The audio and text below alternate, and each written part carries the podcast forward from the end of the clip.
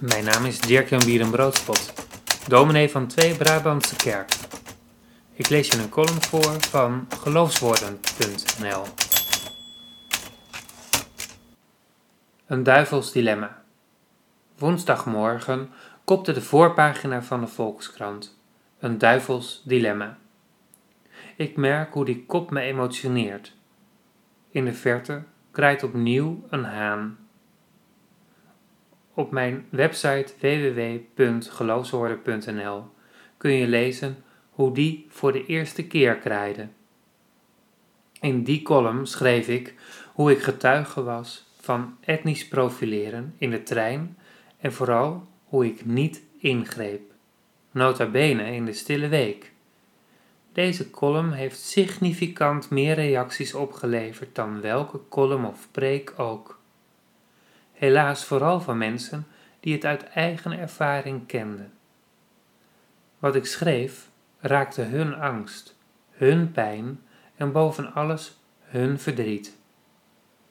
Ik denk dat we elkaar herkenden, want of het nu gaat om huidskleur of seksualiteit, we weten hoe uitsluiting je in de ziel raakt, hoe machteloos je je eronder voelt en hoe je je leven van tijd tot tijd plooit en voegt om die emoties niet te hoeven voelen.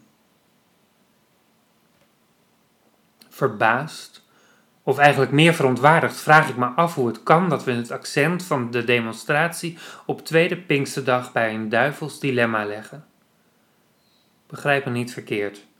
Het is ronduit onhandig, zelfs zorgelijk, dat de anderhalve meter niet in acht genomen kon worden. Het was te druk. God zij dank was het te druk. Het zou God geklaagd geweest zijn als het nog altijd niet te druk was geweest. Maar waarom lijkt de zorg om het coronavirus groter dan de verontwaardiging om de ontwrichtende en overal aanwezige ongelijkheid en stelselmatige achterstelling? Tot in het instituut, dat het meest betrouwbaar zou moeten zijn, heeft de etnische profilering post gevat of is er nooit weg geweest. Het functioneren van de Belastingdienst zou wel wat meer teweeg mogen brengen dan een paar verhitte debatjes. We blijven er over het algemeen maar onverschillig over. Begrijpen althans niet in, ook ik niet. En dat is zonde.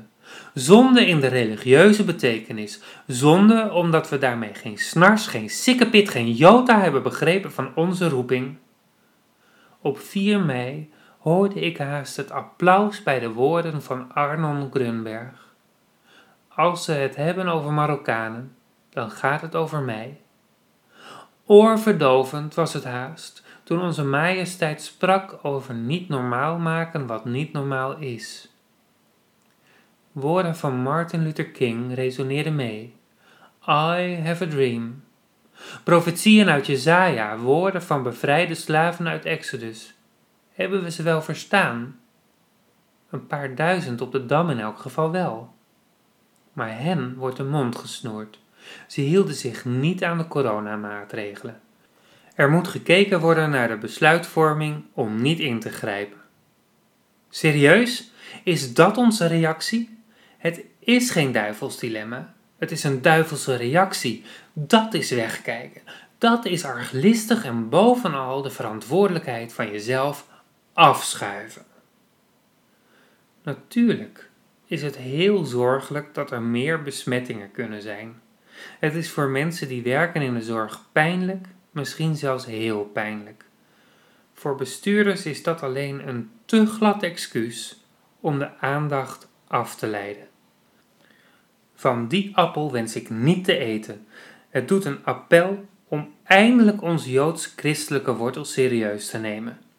Men leest als eerst Exodus 22, de versen 22 en 23, opdat we ons realiseren dat de God van Israël de Heer is die bevrijdt en zich dus solidair verklaart met iedereen die zich ook maar enigszins onderdrukt voelt. We kunnen niet vroom in de kerk zitten en wegkijken. Dat is een lippendienst waar de eeuwige een grondige afkeer van heeft. Hij moet niets hebben van het verhaal van de koopman en de dominee.